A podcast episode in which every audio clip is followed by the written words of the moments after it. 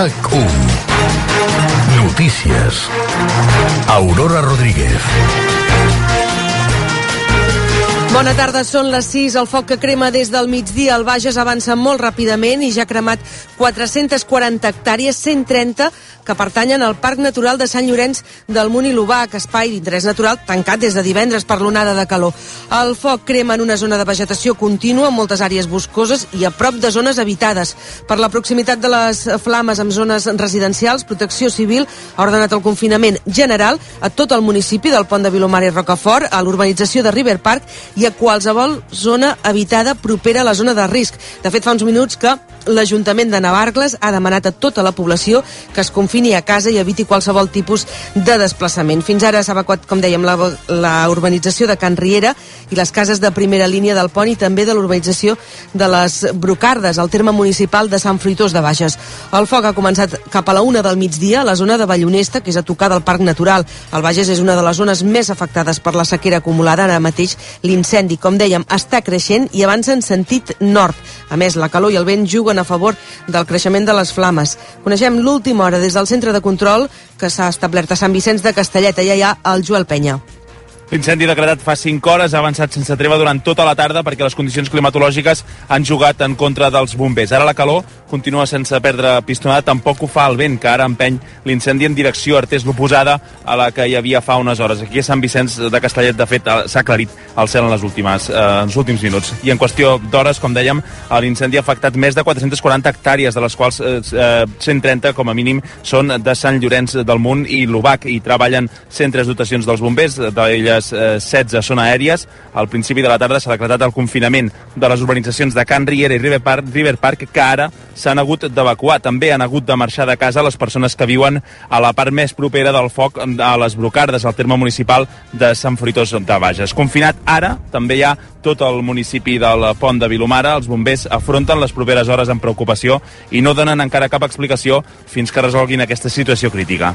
Hores molt complicades d'aquest incendi al Bages, que com dèiem ha cremat 440 hectàrees, però que, segons els càlculs que fan els bombers, té un potencial d'arribar a cremar-ne 1.500. Ara mateix, més d'un centenar de dotacions treballant, 16 mitjans aeris, i per eh, tot plegat protegir també les zones habitades i aturar les flames i la cua de l'incendi. Els bombers han demanat que la gent es mantingui allunyada de la zona afectada per no entorpir els desplaçaments d'emergència. També es demana evitar fer qualsevol autovocació, és a dir, no marxar de casa a no ser que ens ho demanin eh, els cossos eh, d'emergències, bombers o els Mossos d'Esquadra. El fum, en aquesta visible des de tota la comarca, el Pont de Vilomar és a tocar de la capital del Bages, de Manresa, i a aquesta hora molts els veïns de la zona estan penjant a les xarxes imatges on es veuen les columnes de foc. També s'han sentit explosius, sons eh, d'explosius que podrien ser doncs, de projectils de la Guerra Civil que hi havia repartits pel territori. Fins ara eh, el telèfon d'emergències, el 112, ha rebut més de 500 trucades relacionades amb l'incendi. Coneixem eh, l'última hora també des del territori, des de Sant Vicenç de Castellet, saludem a l'alcaldessa Adriana Delgado. Bona tarda. Hola, bona tarda. Quina és l'afectació que teniu coneixement des de Sant Vicenç de Castellet? Perquè crec que una part d'aquest foc, l'incendi, està a tocar o ja dins el terme municipal de Sant Vicenç? Uh, jo no tinc confirmació que el, que el foc hagi afectat encara uh, el terme municipal de Sant Vicenç, però en tot cas, si no és així, doncs ha sigut a tocar i, i nosaltres, doncs, les primeres hores hem vist aquí una, una fumera espectacular que, com deia el vostre company, ara, ara ja, ja no és la mateixa. El que nosaltres ens comenten aquí és que la prioritat màxima ara és, com dèieu, el pont de Vilomara, Sant Fruitós, perquè el foc avança en aquella direcció i sobretot doncs, les urbanitzacions i els nuclis habitats. -huh. A Sant Vicenç és on hi ha establert el centre de control, però no sé si també s'ha habilitat algun tipus d'instal·lació per poder rebre tota la gent que s'està evacuant. De moment encara no. Tenim aquí, com tu em deies, el, el centre de comandament avançat eh, i sí que hi ha gent de Creu Roja que podria ser que en les, en les properes hores eh, doncs, habilitessin aquests espais. Nosaltres estem parlant amb bars i restaurants, eh, supermercats i establiments d'aquest tipus per si fes falta eh, a l'hora de, del sopar, per entendre'ns, doncs poder tenir tota, tot el material necessari per a aquestes persones. Uh -huh. En el cas de Sant Vicenç s'ha demanat algun tipus de confinament? No, a Sant Vicenç no s'ha demanat confinament. El que hem fet arribar a la població és aquest missatge de que si no és necessari doncs, que no se surti del municipi perquè les carreteres eh, doncs, estiguin eh, el més lliures possible perquè la, els serveis d'emergència puguin treballar. Mm -hmm. Dèiem que al Bages doncs, eh, hi ha aquest risc extrem d'incendi des de fa dies. De fet, a Sant Vicenç hi va haver un incendi aquesta mateixa setmana eh, que es va poder resoldre en unes hores, amb, eh, de dimarts a dimecres. Um, per qui no coneix la zona, expliqui'ns una mica com és no? i la situació en què es troba, amb vegetació seca, però també zones forestals, no? La zona que ha afectada l'altre dia eh, era una zona de, de vegetació amb una mica de bosc, però a més a més no era un bosc frondós, que havia, lamentablement ja s'havia cremat anys enrere. I també suposo que en part per això no va anar a més. Eh, en, aquest, eh, en aquest cas és, eh, crec, un foc molt diferent perquè és, és eh, doncs, també de bosc no? i que té molt espai per córrer. Doncs continuem pendents de l'evolució d'aquest incendi. Ara hem fet l'actualització amb l'alcaldessa de Sant Vicenç de Castellet, l'Adriana Delgado. Moltíssimes gràcies i bona tarda. Gràcies, bona tarda. Doncs, com hem anat explicant, a aquesta hora les condicions meteorològiques afavoreixen el creixement de les flames, encara fa calor, però sobretot doncs, bufa el vent. Martí Oliveres, com està ara la previsió de cara a les properes hores en, aquesta, en aquest punt del Bages? Ara mateix, temperatura a la zona de l'incendi de 34 a 35 graus ha d'anar baixant amb el pas de les hores, al voltant de les 9, quarts de 10 de la nit, quan comenci a fosquejar.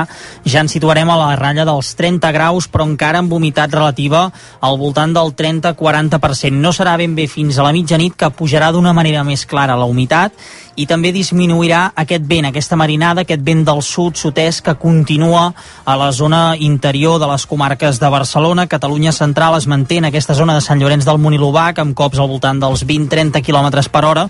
No ha de ser un vent intens, no és de fet un vent intens, però sí que ajuda aquesta propagació de les flames en aquesta zona.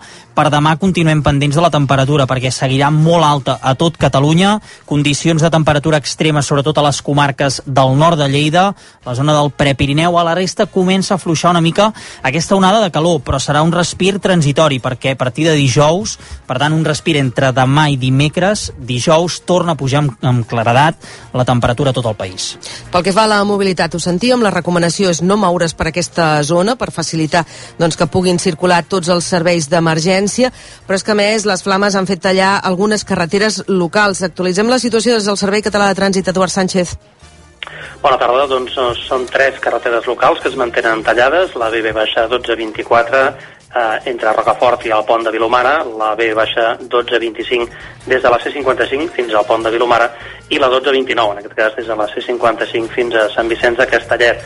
A més a més, aquesta hora hem de parlar també d'una via tallada per un accident, la C260 a Castelló d'Empúries i en sentit eh, Figueres. I pel que fa al volum de trànsit d'aquest eh, retorn de diumenge tarda, doncs ja comencem a tenir un cert volum en el cas de l'autopista AP7 entre Cardedeu i la Roca en sentit eh, sud, l'autopista de Maresme entre Premià i Alella, també en sentit Barcelona, i comença també amb força volum de trànsit la C65, al tram de Santa Cristina d'Aro i en direcció Llagostera. És tot, bona tarda. Com explicàvem, aquest foc que ha cremat de moment 440 hectàrees al terme municipal del pont de Vilomara i Rocafort està arribant també a tocar de zones habitades, de cases disseminades. De fet, hi ha hagut algunes afectacions en habitatges. Ens ho ha explicat a rac el cap de l'àrea regional de la Catalunya Central, Jaume Torralba. L'organització de Riverpà, malauradament tenim coneixement d'algunes afectacions internes dintre, no sabem el detall, però que hi ha, hi ha alguna casa, algun vehicle i jardins afectats i, i alguna altra organització direcció que també està en, direcció aquest foc cap a direcció cap a Sant Fruitós, diguéssim, ara va amb, amb aquesta direcció el foc. Torralba insisteix que totes les circumstàncies meteorològiques de moment juguen a favor de les flames. Remarca que la prioritat seria que el vent es calmés en les properes hores per facilitar les tasques d'extinció. Que baixi aquest vent, que tot i que és un vent no és que sigui molt fort, però és suficientment fort per fer el córrer, que la fa fent córrer molt eh, aquest, aquest incendi i al vespre, quan s'aturi la marinada, pensem que és un moment clau per poder treballar i fer-li front. Ara, la recomanació d'agents rurals a tots els que són els municipis propers a la zona de l'incendi és que la gent es quedi a casa i eviti qualsevol tipus de desplaçament. I ara els esports amb el Ferran Cuixart. El Barça ja ha acabat el primer entrenament en terres americanes. Laia Coll. Ha acabat ja la primera sessió d'entrenament del Barça als Estats Units i aquesta tarda, hora local, hora de Miami, hi haurà una segona sessió. En aquestes primeres hores de gira hi ha un nom i un cognom que està eclipsant tots els focus. És el de Robert Lewandowski i fa tot just uns minuts que un dels que serà el seu nou company, Ronald Araujo, ha celebrat el nou fitxatge pel Barça. Sabemos la calidad de jugador que, que Lewandowski eh, y si está con nosotros eh, es una alegría y es, y es algo tremendo. Es importante para nosotros que vengan jugadores que puedan, que puedan aportar mucho para seguir creciendo como, como equipo. El polonès està viatjant a aquesta hora amb un vol regular des de Madrid i arribarà cap a tres quarts de set de la tarda, hora local, ja de matinada als Estats Units. Encara en futbol ja han arrencat els dos partits del grup C de l'Eurocopa d'Anglaterra, Suècia, Portugal i Suïssa, Països Baixos. En bàsquet, el bàsquet Girona ha fet oficial el fitxatge del base Pol Figueres, tarragoní de 24 anys que arriba procedent del Palma. Figueres és el tercer fitxatge gironí després de Quino Colón i Pato Garino. El belga Jasper Philipsen ha guanyat la quinzena etapa del Tour de França seguit del també belga Van Aert i el danès Pedersen. La general manté a Vinegard com a líder i a Pogacar segon. Doncs això és tot per ara. Continuarem seguint l'evolució d'aquest incendi i tota l'actualitat als butlletins informatius a cada hora, també al web raco.cat.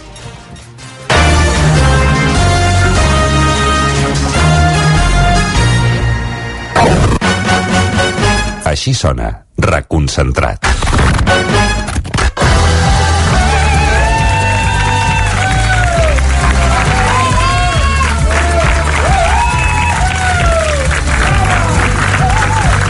Pensava, hi ha una veu, Maria, dic, em sona molt, dic, no, dic és així D'on ve? esclareny. D'on ve aquesta D'on ve? veu? I llavors és Mireia Ardèvol. Sempre. És Mireia Ardèvol, sí, a tots sí. els bolos se sent Mireia Ardèvol fent... Xisclant i xiscladeny, sí senyor.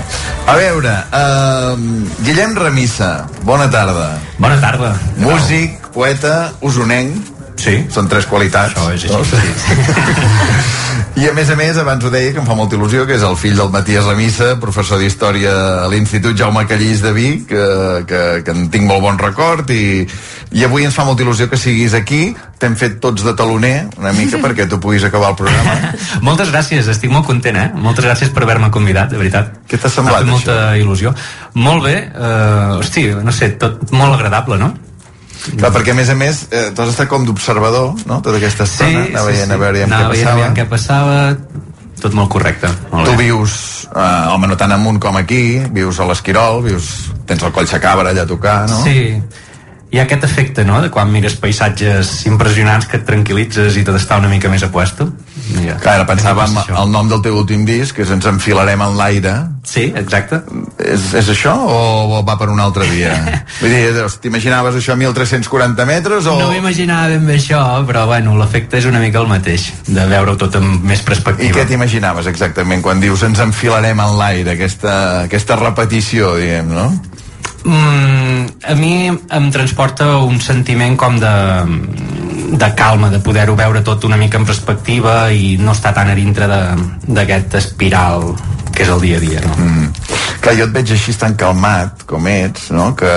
I llavors penso, hòstia, aquest tio és el mateix que va començar fent hip-hop amb un grup que es deia Víctimes de la Monotonia? Sí, sí, això és així. Uh, sí, no puc canviar el meu passat. Vaig començar així ja fa moltíssims anys, quan era adolescent, sí, sí. Quants anys tenies? Jo crec que dels 16 als 21 o por ahí va ser. Mhm. sí, ja fa més de 15 anys. Va passar l'etapa hip-hop, després has publicat quatre llibres de poemes, no? Sí. Tens espectacles diferents, tens un espectacle, per exemple, amb el Godai Garcia, que tinc moltes ganes Sí. de veure. Com es diu? Els homes que parlen sols. I què feu amb el Godai Garcia?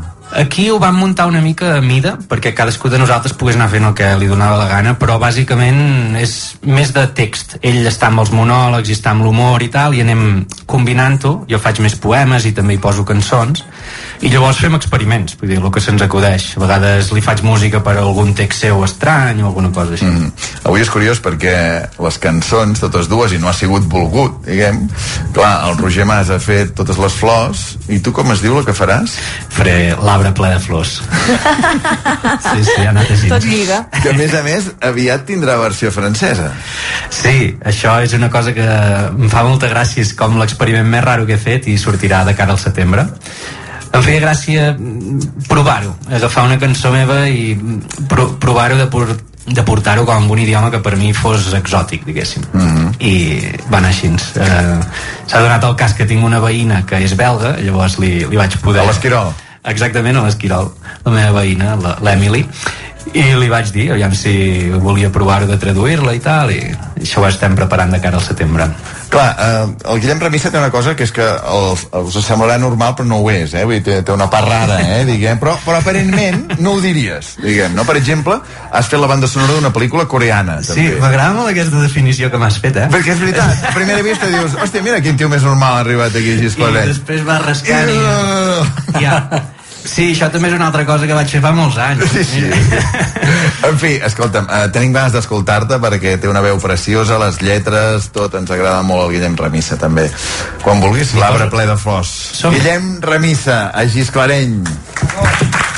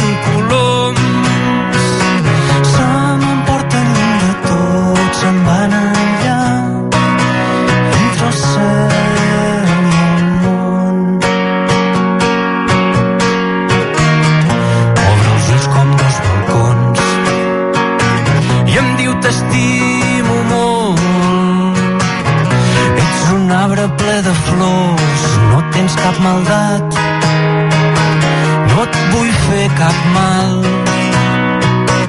No et vull fer cap mal. No et vull fer cap mal. No et vull veure cap més llàgrima caient. Vull que tot se't faci clar,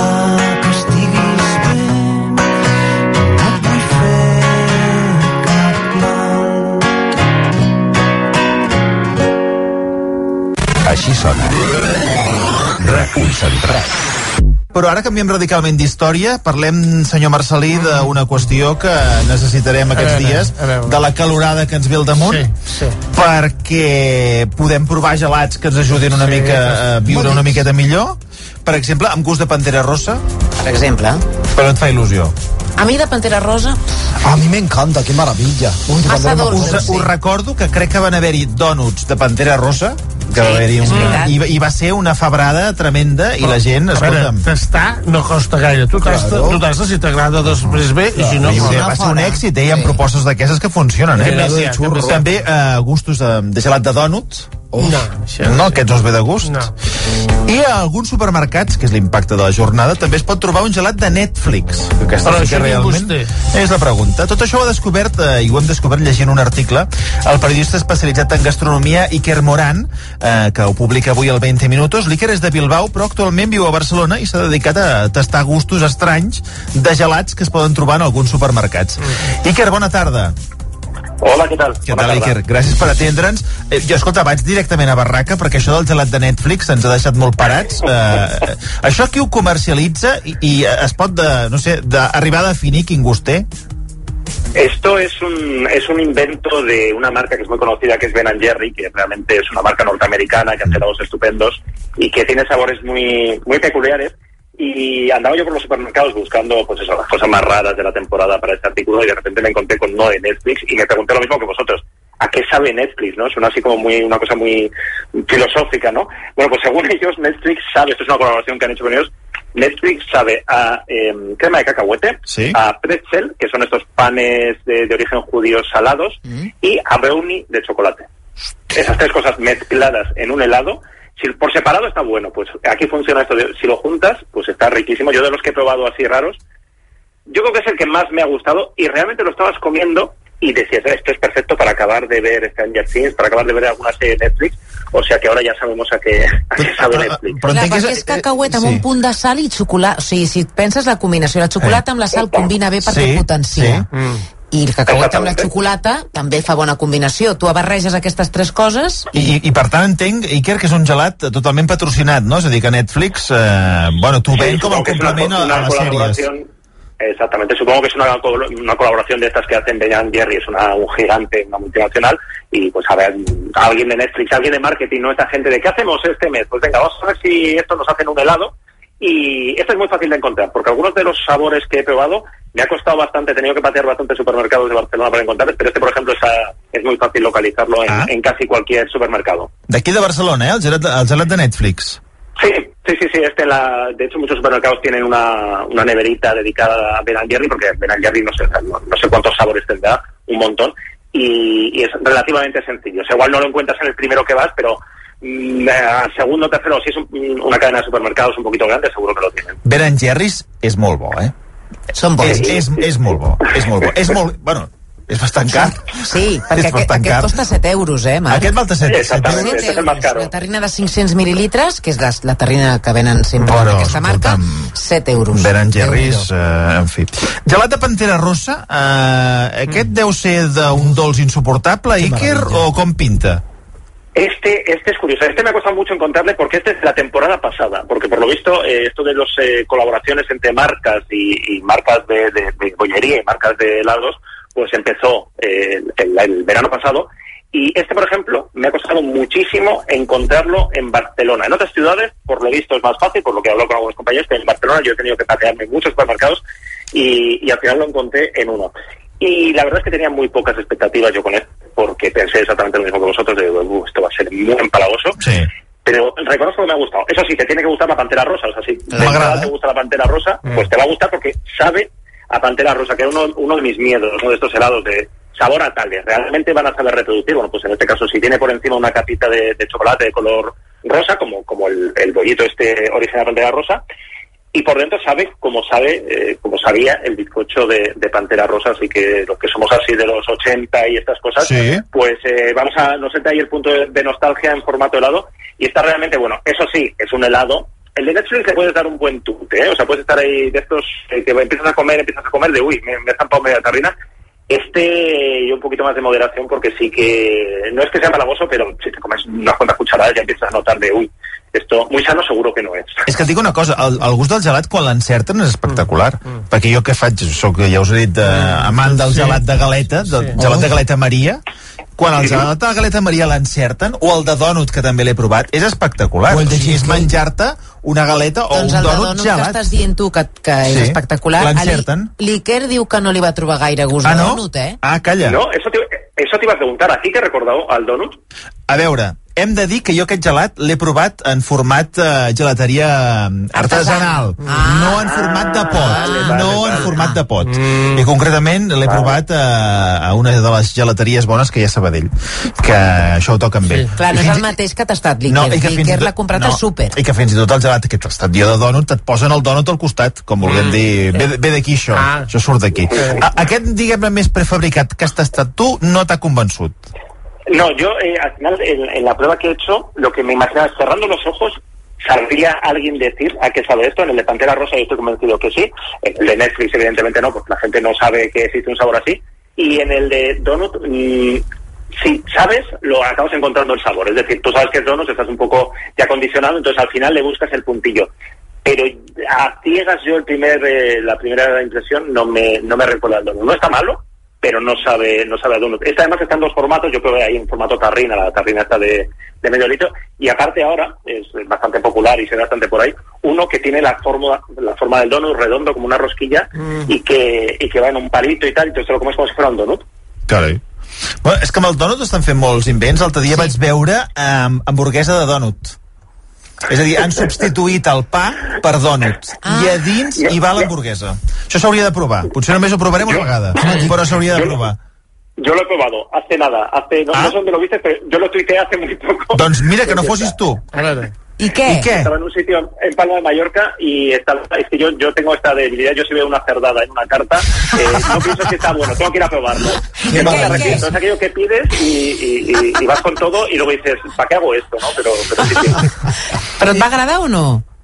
Eh, la, compa- la, acabé, la acabé compartiendo porque me parecía muy bestia zumbarte una hamburguesa de estas eh, enteras. Estaba muy buena la carne y tampoco es tan raro porque si piensas el pan de hamburguesa, en muchos sitios te ponen brioche que ya tiene un puntito dulce de la mantequilla. Claro, aquí el tema es que eran dos donuts, uno arriba, uno abajo, entonces yo creo que también mentalmente piensas, joder, estoy com- comiendo dos donuts la hamburguesa, eh, claro, esto no puede ser bueno. Está rico, pero es verdad que es como muy... Si lo pillas con mucho hambre, mucho, mucho hambre, de pa'lante, sin Sí, problema. quan hi ha gana tot és bo. Sí, sí. Quan hi ha gana, tu fums tot. Tot Realment, eh, l'estómac de l'Iker ha de ser, ha de ser per estudiar-lo, eh? Perquè n'hem comentat uns quants estranys i encara ens en queden. Eh, gelat de Fosquitos i de Bollicao, aquests passarien eh, el filtre? Aquests no es va trobar, crec. Exactamente, este los he buscado, o sea, me, me he recorrido supermercados de Barcelona y no he sido capaz de encontrarlos. No sé si es que con la ola de calor todo el mundo ha arrasado con los helados o es que los están retirando porque es una temporada baja, no tengo ni idea, pero no he sido capaz de encontrarlos y mira que iba yo a buscarlos porque quería eran de los que quería probar, pero no ha habido manera. Un altre que crec que sí, gelat de núvol, aquest sí? Eh, este sí, este sí, este también es de una marca muy muy conocida de supermercados, es el, el más barato y este yo con este no he podido, no he podido porque... Núvol, vull dir, nu, la nube, Nube, la eh? chuche. La, la, la Sí, chuche. Las nubes, sí, el, el más malo, ¿no? El- Sí, el- claro. Lo que, lo que, por cierto, en Bilbao llamamos jamones. A a las nubes en Bilbao siempre se le llamamos jamones. ¿Qué dios? Eh, yo- sí, Pues sí, sí. yo cuando llegué a Barcelona, Sí. eh, jamones y tal, la gente me miraba raro. ¿Qué es eso? Digo, las nubes. Una ¿no? chuchi de jamones, no? Buscaves tu? No té res Pues este, És que... eh, es muy empalagoso. Me- a mí me, me- me recordaba más a- al típico chicle de fresa. O sea, sabe- recuerda más a. Sabe mucho a chuche, pero a chuche en plan. Pues como el, el sabor de artificial de fresa. No que sabe a fresa, sino que te sabe al sabor de fresa, algo así. Tiene cachitos de nube por dentro, que tiene su gracia, porque lo pillas es como, ay, qué gracioso. Pero con este, por ejemplo, este es el más barato, el un litro vale menos de, de 3 euros, pero yo con este de dos cucharadas y ya fue en plan, uff, esto, esto no puedo yo. Home, has de tenir una desil·lusió sentimental molt gran per una tarda fer un Pantera Rosa i un de núvol. Realment t'han d'haver trencat el cor per tots cantons, eh? Ara, ara continuo repassant les, les estranyeses i les rareses que ha trobat l'Iker, però abans, com que hem fet la pregunta als Sí. oients, quines barreges feu? Doncs mira, les barreges que fa la gent, per exemple, maduixa i vainilla, Sí? que això és un clàssic. Mm. Llet merengada i xixona. Home, maduixa i vainilla, d'on dius un clàssic? Hi ha molta gent, sí. Maduixa i vainilla. Sí. Vainilla Va, va. i xocolata més. Home, vainilla i xocolata Saps, segur, va- que sí que és un va, clàssic. Saps aquell, el típic tall de, de, Del de corte, gelat, sí, del sí. corte, de No. vegades és de... No, de tres gustos. Sí, de El de- tres. Sí, però el de tres gustos és xocolata, nata i vanilla. Però n'hi havia, De però n'hi havia vainilla uns... no n'hi ha. havia- No, hi ha maduixa No. i nata. N'hi Si no havia la un- memòria. Anys Ah. enrere, anys enrere n'hi havia uns que en lloc de nata hi havia maduixa. Ah, podrien ser, no sé, jo. Sí. En Sí, fi, sí. més gustos. Uh, maduixa i nata, que aquest és el clàssic. Nata amb nous. Pistatxo amb avellana, que per cert, diu l'Iker que si vas a una gelateria artesanal, un bon gust de gelat per saber si aquella gelateria és bona o no, és el de pistatxo. Explica Ah. per què, Iker. Com un test. Esto, esto me lo chivaron, yo soy muy fan del helado de, de pistacho, esto me lo chivó un, un heladero, porque yo, yo soy, no es que sea experto en helado, yo soy periodista y experto en, en comer eh, todo lo que me pongan y, y en tomar nota de cuando te- alguien que sabe realmente te, te lo cuenta, y me dijo que el pistacho eh, es muy fácil saberlo solamente a primera vista por el color, porque muchas veces el helado de pistacho estamos acostumbrados a un que es de color verde, a veces eh, fluorescente, y tiene que ser todo lo contrario, porque si tú piensas en un pistacho, es un fruto seco, es un, con un color apagado, es decir, tiene que ser un helado casi más de color marrón, con algún tono verdoso que un helado verde. Si es verde, muy verde, malo. Malament. No, no, exactamente, exactamente. No, es que le han echado ahí algún polvito mágico, por, y cuando tú comes un helado de pistacho que sabe pistacho, si te fijas en el color, va a ser un color pálido, no es tan bonito a la vista, pero va a estar mucho, Serà mucho més más bueno. artesanal. Més gustos que combina la gent. Pinya i coco, vainilla i cafè, stracciatella amb xocolata blanca, tutti frutti i stracciatella, cafè i xocolata negra, Sí. Um, què més? Moca i xocolata. Aquesta, molta gent ens diu, el tema de cafè i xocolata, molta Però veig gent. oients bastant conservadors, eh? De moment, pel que Sí. m'estàs dient, no hi ha una barreja No, que estranya. sigui molt, molt, molt trencadora. exòtica. Jo trobo que el del, del cafè tampoc no l'acaben d'encertar molt sovint, perquè en lloc de cafè és com cafè amb llet. I hauria de tenir gust de cafè i no de cafè amb llet. Cafè negre, vol dir vostè. Que Cafè. li agradaria cafè, cafè, Cafè, cafè, sense... que tingués gust de Ja. cafè sense llet, perquè té gust de cafè amb llet, el gelat de cafè. El de Ferrero Rocher també costa de conseguir, eh? Que hi ha alguna que se sembla a amor i alguna que allò sembla chapapote. Mireu aquesta els meus combinació. són barreja gelat i brutícia perquè jo agafo els, els que cauen del nen saps aquells que cauen als nens? Sempre en cau una sí, bola. no compro mai, jo compro, vaig a recollint els que... Va seguint els nens fins que els hi cau una bola, no? No, no, sempre hi ha una mica de Que, brutícia. que, que inquietant i que Perquè- guarro a la vegada. I barato, barato. barato. A veure aquesta combinació que us sembla. Cafè i llimona àcida. Aquesta és la bona. Aquesta és, la, és, mica aquesta és la que jo això. esperava d'estranya. Cafè... Cafè i llimona àcida. Ostres. Aquest no està bé. Meló i xocolata belga. Déu nhi sí, sí, s'accepta, sí, sí, sí, crec que sí, sí, tu home, sí. menges meló amb, una, amb un bocí de xocolata? De... Doncs podria ser, per què no? Amb mitja no... de xocolata o amb meló? Sí, en lloc perquè- de meló sí. pernil, meló i xocolata. Exacte. Molt bé, noi. Clar, hauríem d'haver demanat, si tu volies barreges estranyes, hauríem d'haver especificat que buscaven barreges estranyes. La gent ha explicat el que normalment es compren, coco, llimona, maduixa i pitufo. Ah, Bueno, el gelat, aquest sí que m'agrada. el gelat de Aquest sí pitufo també està molt buscat, Sí. eh? Com una mala cosa. Ui, és que n'hi ha molts, eh? Iogurt i cafè, gert i trufa. Gert i trufa. Home, Sí. déu-n'hi-do, aquest especialet, Y no hay eh? aquello que suc de taronja con hiela de vainilla, no sé de un... ¿Cómo se diu això? El, el, el, el, Valencià, és un valencià, el aquest. valenciano. Jo, Pues no, jo, li, jo li deia valencià perquè, clar, està eh, dintre d'un líquid. pues, pues, no, pues la gent no barreja hiela, hiela de taronja y el de, y el de vainilla, que es lo mateix, pero en sólido. Ningú ha dit això? No, Pues vaya ha i más això. rara, eh? Eh, és que Xavi Franquesa, bona tarda. Bona tarda. Que a està tothom. assistint amb una certa incredulitat a aquesta llista. Sí, en- estava pensant que el, el, el de cafè, aquest de cafè i llimona àcida l'he provat. I això et fot un tall a l'estómac. Vull dir, és com menjar mal, meló per la nit. Vull dir, pots Però això d'acomiadar-te dels teus amics i quedar-te a la tassa del Però vàter això m'interessa. permanentment. Però, però per què vas arribar a aquesta combinació? O sigui, què va passar? No, també m'agrada provar cosetes. Ara que han dit això del gelat de Pantera Rosa, jo sóc un fanàtic, que de fet haig de fer una crida A veure. d'aquí.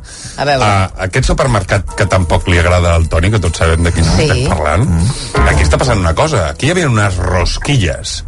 En català, que són rosquetes? Rosquetes? Roscons. Ros bueno, No? ros va, és sé. Diguéssim, tal com l'anuncien, rosquilles roses, perquè no utilitzaven el concepte pantera rosa, rosquilles roses, que a més imitaven aquests dolços que surten al, al Simpson, que porten aquesta mena de topping, el topping de és que caramel, el topping de una caramel, miqueta sí. com de, de tires curtes de Sí, caramel de sí. diferents colors, ho han retirat i a mi no m'ha arribat cap notificació d'això. Estan retirant coses, igual que hi ha l'Endivia Gate, que estan retirant, no, no s'estan venent endivias, no, no hi endivias pues escolta, què, què passa aquí? que ens expliquin i les rosquilles roses que algú per favor tingui la decència d'explicar què collons se n'ha fet de les Jo sempre que rosquilles hi ha alguna cosa que es retira, jo ho pregunto, perquè Mm. jo m'agrada parlar amb la gent del supermercat, i sempre la resposta és ja no nos llega.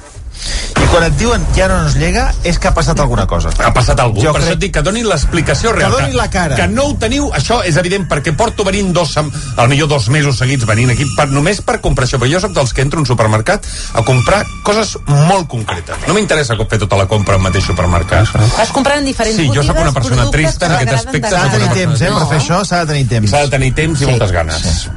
Alguna combinació més, Marta? Ui, ara què? És que ara he tirat Ah, no cap sé, avall, no, no, cap avall. escolta'm. És que n'hi ha moltes, Marc, però són, són, és el que dèiem, són combinacions Convencionals, diguem-ne. Me- me- stracciatella i llimona. Bueno. A, a veure, Iker, gelat de Kit Kat? Mm, sí, pero no. O sea, sí, porque está muy rico. Mm, es un poco, es, un- es bastante tradicional, es igual de menos sorprendente, es un poco chocolate, vainilla, nata. Tiene casitos por dentro, que algunos crujientes, otros menos crujientes. Está rico, pero no es aquello, no tiene ese efecto wow, ¿no? De, no sé, dices el de Pantera Rosa, el de Donut, y la gente se queda como tal, es el Kit Kat.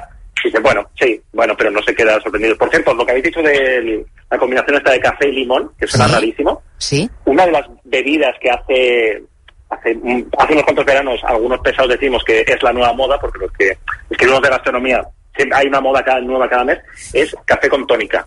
Suena raro, pero si podéis probarlo porque está bastante rico. Sí que sona dire direcció al lavabo, eh? Ah, Directe. Sona així, eh? Sí, sí. Y perdoneu. Café y cigarro. Perdona, Iker. eh, Yo no sé fuera de Cataluña, pero aquí hay que hay tradición de las horchaterías, donde, curiosamente, también venden granizado. No dicen granizadería. Horchatería, posa horchatería y venden granizado. Y había una combinación que yo recuerdo que es feia de quan jo era petit, al tanto, això, Sí. eh? Era el granitzat de cafè mm, barrejat amb granitzat de llimona. Con lo cual, esto tampoco es tan novedoso. I a València, i a Val- al País Valencià, a València feien el cafè del temps, que era un cafè amb gel i una, un trosset de llimona. Claro. És que al món del granissat, que podíem parlar-ne molta estona. Digues, digues, Iker. Digo que está todo inventado, que parece así no mo- lo moderno, los hipsters de café con tónica, y luego rebuscas y bueno, si esto se lleva haciendo no sé cuántos años. Ara us deixaré un titular. Catalunya és un país trist pel que fa a granissat.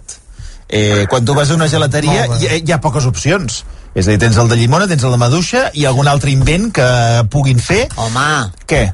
No, que hi, Què? hi ha moltes gelateries amb molts gustos. Sí, de granissats? Ah, Granissats. No, granitzats ens hem estancat, Sí, ens hem estancat. és veritat. Granissats, granissats, llimona, De taronja maduixa... també de vegades, no? De cola, de de vegades taronja? hay de cola, de vegades hay uno de color blau que debe ser de Ui, però aquests són fastigosos. uno de color verd, Però llavors, jo que vaig viatjar a Itàlia, sí.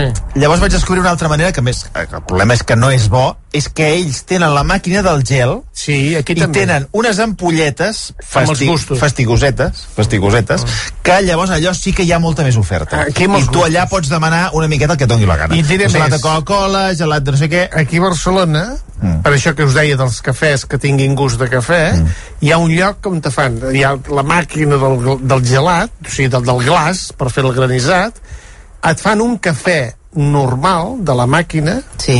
i te'l posen a dir dins amb el, amb el, amb el calent, glaç el cafè aquest. calent. Sí, sí. i no rebenta tot. No rebenta res.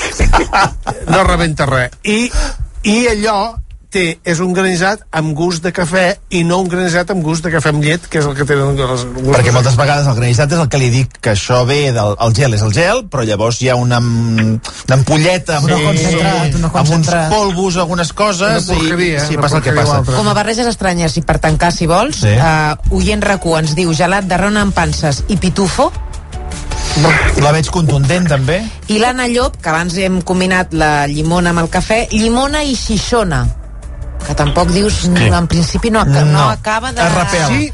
Es repel. Sí. Es repel, no? No, al Per contrari, Què? Per què? perquè ara et diré, els ametllons, Sí. a l'hivern, quan, fan, eh, quan vas a un lloc a comprar d'aquí de Xixona, que Sí. venen, venen els torrons, Sí. sí. tenen els ametllons. Mm. Els ametllons són, és amb una neula que fa forma d'ametlla i és torró amb llimona. Ah.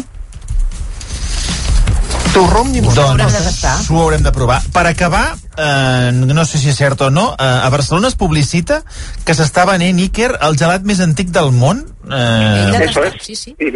I què, Sí, quin la- és? La receta original del el helado, a ver, la, la receta original del helado, como todas, cuando se habla del origen de una receta, siempre hay que cogerlo con muchas pinzas porque a saber, ¿no? Y quién fue la primera persona que comió algo helado.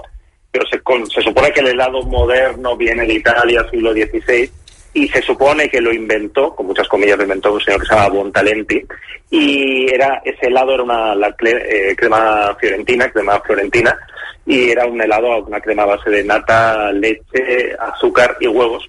Y una heladería eh, de Florencia, una de las más míticas, de las más históricas, que se llama Badiani, que ha abierto aquí en Barcelona hace muy poquito, hace dos meses, tiene ese sabor. Y ese sabor para nosotros, que nos puede parecer un poquito, un poquito soso, ¿no? Leche, nata, eh, huevos y azúcar. Pues en Florencia es uno de los sabores más vendidos, más populares, más queridos. Y es un sabor, fíjate, alejado de todo esto, que todas estas cerdadas que están mezclas raras, bueno, pues todo en el lado contrario, el helado primigenio, podemos decir, el helado más original es un, un exitazo. Y realmente está muy rico, ¿eh? En, en- en esta heladería Badiani se puede, se puede probar y está muy, muy, muy rico. Estaríeu d'acord amb mi que hi ha un abús del topping, en general? És a dir, un mal gelat queda, queda trufat per una autèntica pluja innecessària de topping? Això, Iker? Suele pasar, suele pasar. Eso también los heladeros artesanos más, eh, más radicales siempre dicen que la presentación de un helado, cuanto más cosas tenga encima, cuanto más eh, la típica montaña de helados de colores eh, muy vistosos, suele ser inversamente proporcional a la calidad. ¿no? De hecho, dicen que el helado bueno debería estar metido en una cubeta que no le dé la luz y demás. Así que sí, cuando yo veo un helado, lo típico, ¿no? Eh, con, con, yo qué sé, un helado de piña que tienen una piña puesta encima, siempre es como, uy, uy, esto, esto a ver qué. I sí que és veritat que hi ha un moment que és una miqueta orgàsmic, tu demanes un, un gelat d'aquests, un corneto d'aquests amb una bola del de tot, i el que fan és girar-lo i el suquen en el topping. I jo, és un moment orgàsmic aquest, eh? Quan... I la galeta sobre. Si me permitís la- una, un, un- que me estaba acordando yo ahora de, de sabores, eh, sabores curiosos de helado. Eh, yo, yo soy de Bilbao y en Bilbao hace, y creo que sigue existiendo porque existe desde hace muchos años, eh, tenemos helado de, atención, calimocho. Calimocho, ya sabéis, la Coca-Cola con ¿no? vino, la, be- Sí. la bebida creada oficial de Bilbao. Bueno, pues hay un helado de, de calimocho que por supuesto también he probado, que, no sabría deciros si está bueno o no está bueno, pero dentro del, del top de helados mm, de sabores este año, yo creo que se estaría en, como el no estaría en, en mi top 1. I llavors hi ha tot un munt de gelats que si- serien, diguem-ne, gelat croqueta, perquè te'ls menges i no saps exactament quin, quin gust té. És eh, una altra categoria. Iker, moltíssimes gràcies i cuida l'estómac, eh? Omeprazols eh, cada setmana. Muy bien. Una abraçada, que vagi bé. Iker. Gràcies, Iker. Iker Moran, que és eh, periodista gastronòmic que es dedica a tastar gelats estranyíssims. RAC concentrat. Hola, entitats i clubs de Catalunya! Si per Nadal feu participacions, escolteu. La Doble és un nou joc que juga amb talonaris de participacions, des dels nostres terminals i digitalment. Així podem ajudar-vos a vendre més participacions per tot el territori. Ah, i si toca el vostre número, pagarem els premis per vosaltres. Repartirem premis col·lectius, premis individuals de fins a un milió d'euros i també premis per vosaltres, les entitats. La doble és l'alternativa catalana a les tradicionals participacions de Nadal i és 100% social. Uniu-vos-hi a inscripció.ladoble.cat. Sorteig 20 de desembre. Loteries de Catalunya. És la nostra. Jugar amb responsabilitat és guanyar. I només si ets major d'edat. Hola, em pots dir quin temps farà aquests dies? Bona temperatura, molt de sol i aire fresquet i la veritat és que en gaudiries molt més al damunt d'una moto Honda, recorrent la ciutat o de ruta cap a llocs remots. Prova la teva Honda a la xarxa oficial de concessionaris Honda de la província de Barcelona. Arriben les vacances i et preguntes i el meu gat? Tant és si te l'emportes com si el deixes a casa. Feliway t'ajuda a reduir l'ansietat i l'estrès causats pels canvis de rutina. Prova ara el nou Feliway Help. 7 dies d'ús. Ideal per a situacions d'estrès ocasional. Consulta amb el teu veterinari o botigues especialitzades. Més informació a feliway.com. RAC 1. La competència segons Jep Cabestany. Bueno, la competència és un programa de ràdio on donen veu a algú com jo, no? Un home blanc, no nacionalista i amb idees d'extrem centre. De 12 a 1 amb Òscar Andreu i Òscar Dalmau. I era hora que se'ns doni veu a les minories. RAC 1. Tots som 1. RAC 1. Hola, Pris. Uh, escolta'm una cosa. M'han tornat a oferir el versió estiu, però no sé, què vols que et digui? Uh, aquest any, precisament, no?, que es poden tornar a fer coses, es pot tornar a viatjar... Fa una mica de mandra. Eh, Rocamora, escolta'm, jo estic igual, eh? Aquest any passo, tu. Uh, gràcies, però entre platja i rac ja tu sabes. Bueno, vamos a ver, aquí Eduardo Inda. Ferreras ya está quemado. Eh, en fin, ya hablaremos, pero hay que aprovechar el Bresio, que tengo material nuevo, todo contrastado, evidentemente. Vamos a ver, vea usted, Rocamora, mi querido Tolili. Vamos a ver, aquí Tito Floren. Ya me he enterado que te han vuelto a ofrecer el Bresio. Oye, felicidades, de verdad. Que sepas que estoy muy interesado en estar allí. ¿eh? Desde pequeñito ya soñaba Ya concretaremos, pero vamos a ver, mira, pide lo que quieras, ¿eh? que no será un problema, ya lo sabes. Cada tarda, de 3 a 7, versió estiu. Hola, Jaume. Escolta'm, que sí, que, que el farem, que ens hi apuntem amb, a més a més amb moltes ganes i amb moltíssima il·lusió. D'acord? I acabem de parlar. Gràcies, una abraçada. Amb Xavi Rocamora. RAC 1. Tots som 1. RAC 1. Al tu diràs, passen coses com aquesta. Jo no et vull fer spoiler, però tinc clar com acaba això. Ara ha els gols del Madrid. Però Miquel Vesga insistirà per Berenguer a l'interior de l'àrea, fa el rebuig, el gol!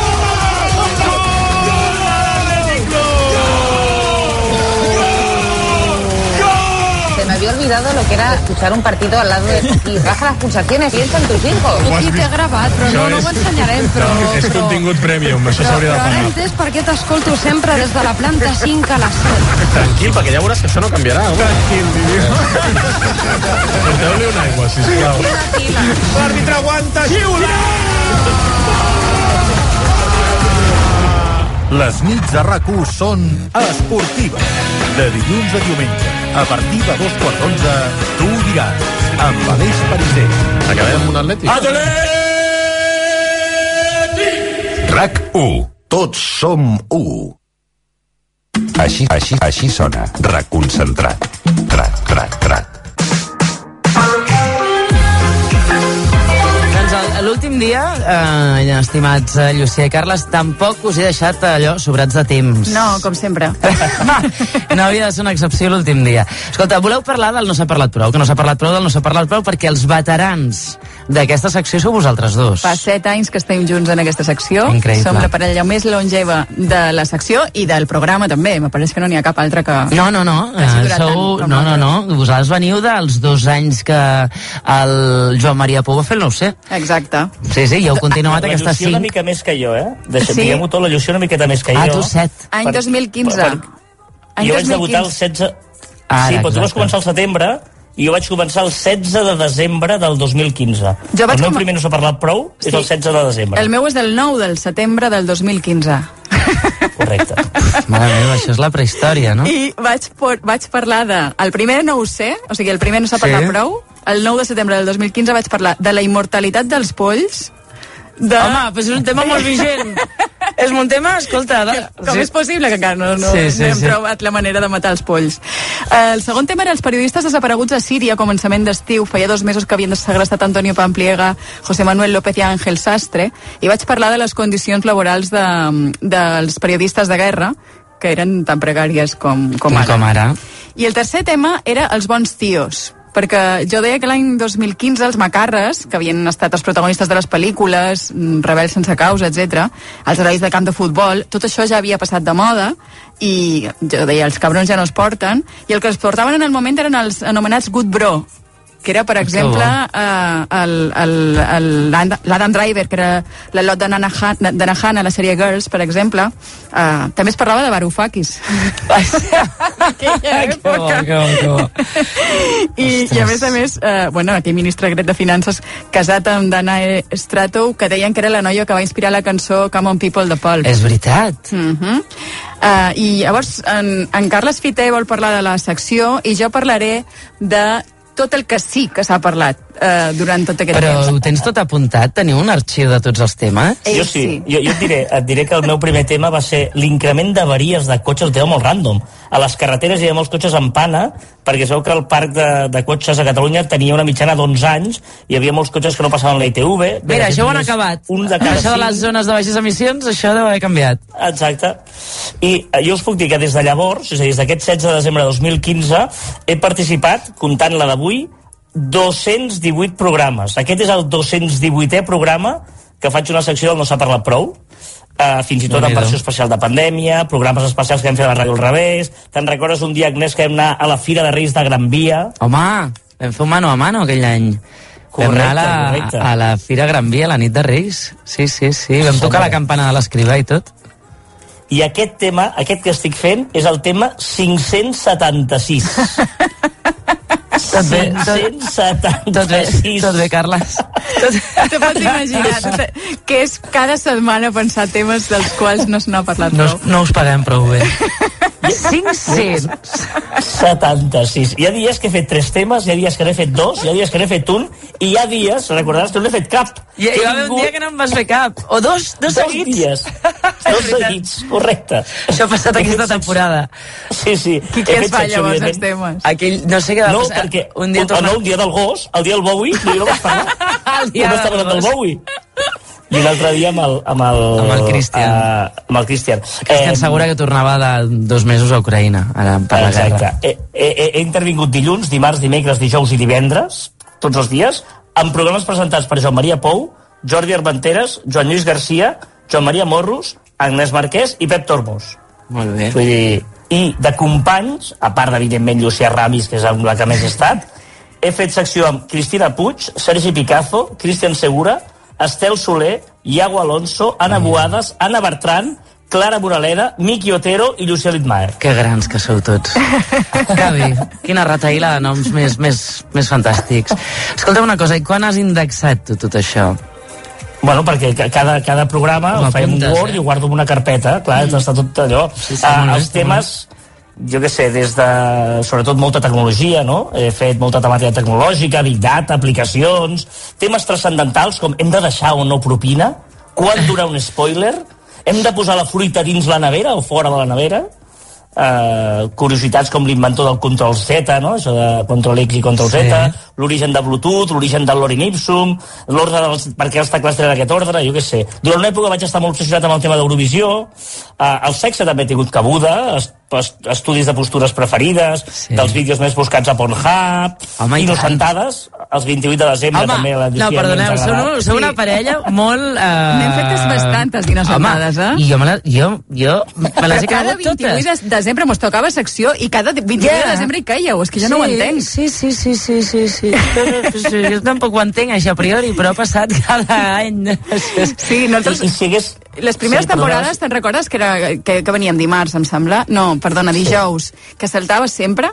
Eh, Les primeres, les primeres Sí. temporades eren di, di, o dimecres o dijous, i mm, una temporada era per culpa del futbol i una altra perquè passava absolutament de tot. Sempre Sí, sí. el dia que teníem secció. Tens raó. La, això és la temporada abans del Covid. Mhm. Va passar de tot en dimecres, que veníeu. Ahà. I l'anterior eh, era dijous i doncs hi ha Champions o... Sí. No sé, Champions, Europa League, el que hi hagi.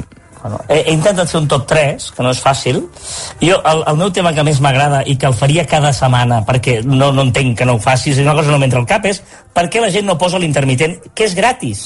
I, i, i, i està tot, tot, diguéssim, tu ja el mecanisme del cotxe t'obliga a que quan gires el volant aixeques aquella palanqueta i quan el volant torna es treu sol. Vull dir, és una cosa que seria tan òbvia i la gent no el posa. Això em té martiritzat. L'altre més seriós, que em mola molt, és la història del núvol. Quan diem que guardem les coses al núvol i el núvol realment eh, són servidors i la informació es mou a través de cables submarins, per tant és com molt Que graciós que parlem de núvol quan realment tota la informació passa per sota terra o per sota el mar.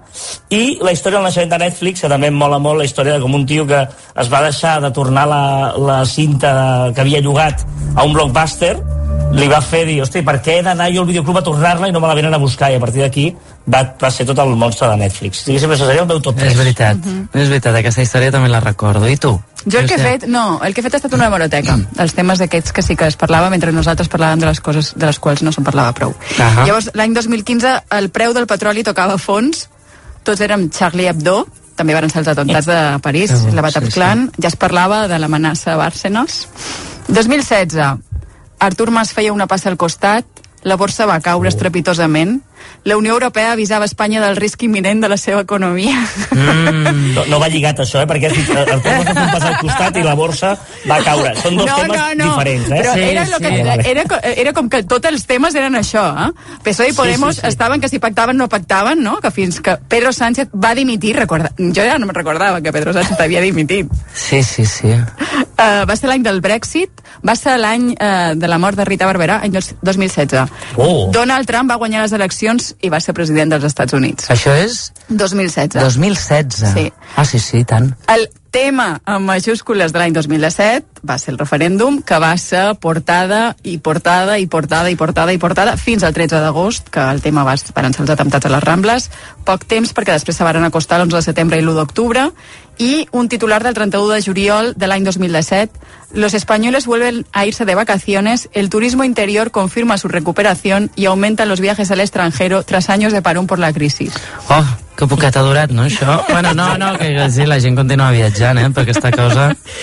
Bé, el 2018 comença el procés com a tema principal, presos polítics, Puigdemont a Alemanya i Brussel·les, 155, eh, Sánchez president el juny. El 2 de març, titular de portada, Putin es declara en possessió d'un arsenal invencible. Oh. Mm. I poc després, Londres i Moscou ressusciten la tensió de la Guerra Freda Doncs mira, d'any any 2018.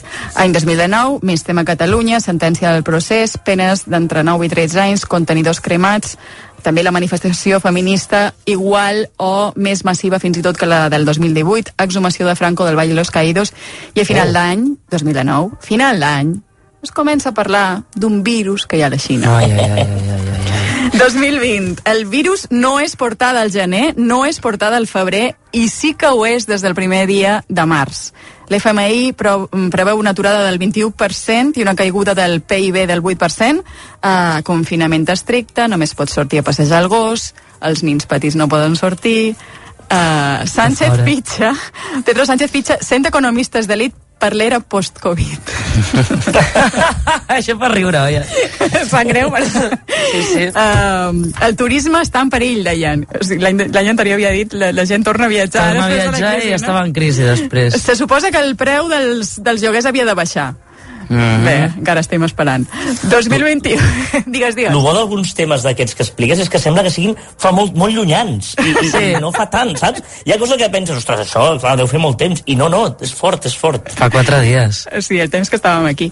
2021, vacuna, fora mascaretes a l'exterior, primera llei climàtica que havia de posar fi als combustibles fòssils. Això, això fa, és que és clar, és que és clar, és que és clar. 2021, eh? Ayuso arrasa a Madrid, el Marroc porta al límit la tensió amb Espanya, mor Rafaela Carrà, i 31 d'agost de l'any passat els preus es disparen per l'electricitat i llastren la recuperació econòmica.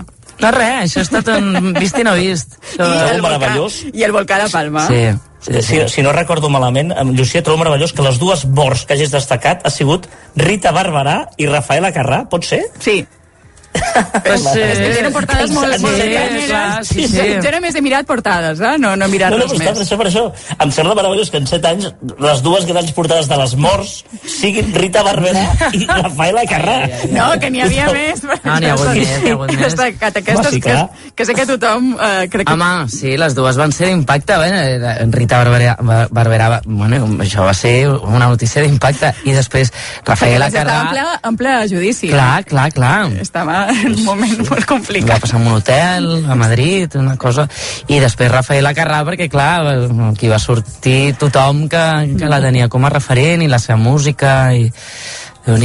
Bé, i la portada del 2022, eh, variant Omicron, Occident apura la via diplomàtica per evitar la invasió d'Ucraïna per part de Putin al gener, finalment la invasió, la guerra, el preu del gas, la inflació, l'amenaça de recessió, i semblaria que tot s'ha d'acabar després de l'estiu, que encara no hi ha Però portades. encara no hi ha portades. Però jo, que sempre he estat apocalíptica, i ho sabeu bé, eh, no sóc catastrofista, perquè el catastrofisme eh, és el que volen els populismes extremistes per espantar la població i poder controlar-la, i ara fa molt de temps ja que vivim instal·lats en la incertesa, ja és una incertesa totalment crònica, ja forma part de la nostra manera de, de ser i de viure i de veure les coses. No sabem si continuarà aquesta secció el curs que ve, ni si continuarà amb nosaltres, ni si aquesta parella tan longeva que som en Carles Fite i jo té futur, però no passa res, perquè mos hem passat molt bé fins ara. Sí, doncs. I això és el que es tracta. El que compta, no? Bueno, et diré més, et diré més, és una relació d'amistat que va més enllà de la ràdio, que ha nascut a la ràdio. La Llucia i jo, el primer dia que ens vam asseure a l'estudi, no ens coneixíem de res. Absolutament, No, sí. I a més a més sempre hem mantingut eh, no saber de, qui, de què parlarà l'altre. No, no ens ho dèiem. No us ho dèieu, però heu arribat a tal nivell de coordinació que a vegades l'ordre dels temes tenia sentit. No, no, no, i un I dia... però de veritat no, no heu parlat abans d'això? No, no, ara m'ha vingut al cap, Llucia, un dia vam portar el mateix tema. Sí, però no ho sabíem fins al directe, perquè com que no mos ho dèiem... Escolta, i aquí hi ha una feina increïble de l'Anabel, de l'Anabel Luna, que eh, si el, el Fiter ha fet 500 temes, eh, la Llucia els seus 500, i cada no s'ha parlat prower ha fet una llista i no hem coincidit més que poquíssimes vegades. Mhm. I que aquí, aquí també hi ha hagut una feina de filtre de dir, no, aquest tema jo diria que l'ha fet. Sí. Ja l'hem fet, ja l'hem fet, ja l'hem fet. No? Sí que és vera que a vegades... A vegades, sí, no? passava això, però molt poques. És Molt poques, molt poques, molt poques. Vull dir que... I saps el millor? Molt Que bé. el tema 577, perquè hi ha un tema 577, quedarà en el calaix dels temes oblidats perquè no hi ha temps, hi havia un tema segon i supos no sé si la Llucia també portava més d'un No, tu, però... no, eh, una cançó. Es, vols posar una cançó? I Oh, acabem, no, no, no, perquè és acabem amb aquesta no, no, cançó. Bueno, sí, és que és, és, és llarg És el tema, eh? No, no és lletja, dic que és llarg, és una història curiosa. Si vols, et No. mira, t'ho resumiré molt fàcil. Però, però en 10 segons. Vale, hi ha una cançó que eh, tothom coneix i no sap que parla de la mare, la senyora Enola Gay, tots sabeu que és Enola Gay, no? uh -huh. l'avió de la, que va tirar la primera bomba atòmica sí. a Hiroshima, mm. Enola Gay era la mare del pilot, que li va posar a l'avió quan va batejar el nom de la seva mare. I aquesta cançó que sentireu ara, que suposo que tothom ha sentit i hem ballat, no sabeu que és una cançó antibèl·lica que parla una conversa eh, fictícia entre la mare i el fill d'això de, de, de, de, de que apretés el botó sense cap mena de, de ressentiment d'aquella bomba d'Hiroshima. I la cançó és aquesta. Home,